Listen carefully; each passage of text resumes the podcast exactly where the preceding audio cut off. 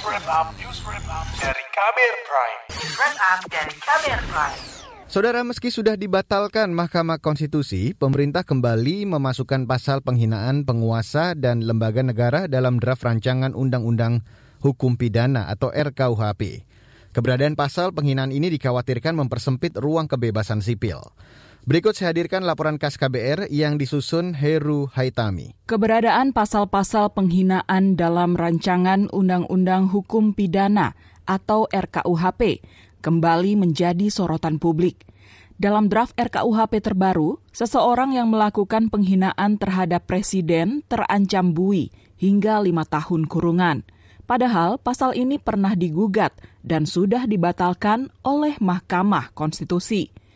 Wakil Menteri Hukum dan HAM Wamenkumham, Edward Omar Syarif Hiariech, mengatakan pasal penghinaan terhadap martabat presiden dan wakil presiden dalam RKUHP berbeda dengan pasal yang sudah dicabut oleh Mahkamah Konstitusi. Jadi pasal penghinaan itu adalah pasal penghinaan terhadap kepala negara, yang pertama itu berbeda dengan yang sudah dicabut oleh Mahkamah Konstitusi. Ya, kalau dalam pembagian delik, pasal penghinaan yang yang dicabut oleh mas, oleh Mahkamah Konstitusi itu merupakan delik biasa.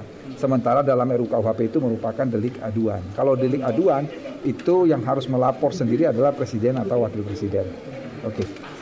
Pada bab 2 RKUHP, tindak pidana terhadap martabat presiden dan wakil presiden disebutkan dalam pasal 217 yang berbunyi, setiap orang yang menyerang diri presiden atau wakil presiden yang tidak termasuk dalam ketentuan pidana yang lebih berat dipidana dengan pidana penjara paling lama lima tahun.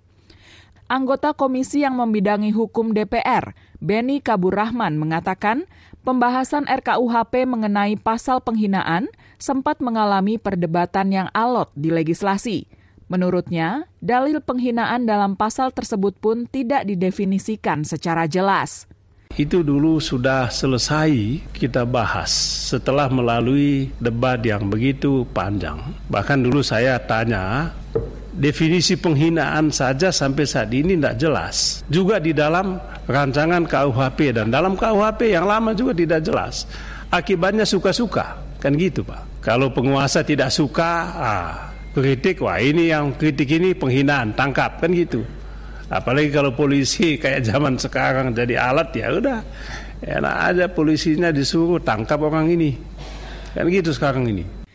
Beni menilai munculnya kembali pasal penghinaan di RKUHP akan berpotensi menimbulkan kesewenangan lembaga negara yang anti kritik.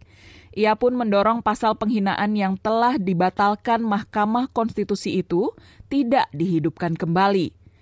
LSM Kontras juga mengkritik adanya pasal penghinaan terhadap presiden dalam draft RKUHP tersebut. Menurut Wakil Koordinator Kontras, Rifanli Anandar, Adanya pasal penghinaan terhadap penguasa dan lembaga negara menunjukkan upaya pembungkaman publik. Apalagi ada rencana menambahkan pasal penghinaan terhadap DPR yang semakin menunjukkan dugaan persekongkolan jahat antara eksekutif dan legislatif. Rencana memasukkan pasal penghinaan DPR di dalam RUU KUHP ini mem makin memperparah uh, kondisi kebebasan sipil setelah sebelumnya ada surat telegram Kapolri eh, perihal pasal penghinaan pejabat negara atau penguasa yang masih eksis dari uh, semester pertama pandemi. Dengan ditambah isi dari RUU KUHP ini semakin menunjukkan bahwa uh, ada ada persekongkolan jahat antara eksekutif dan legislatif dalam membungkam suara publik.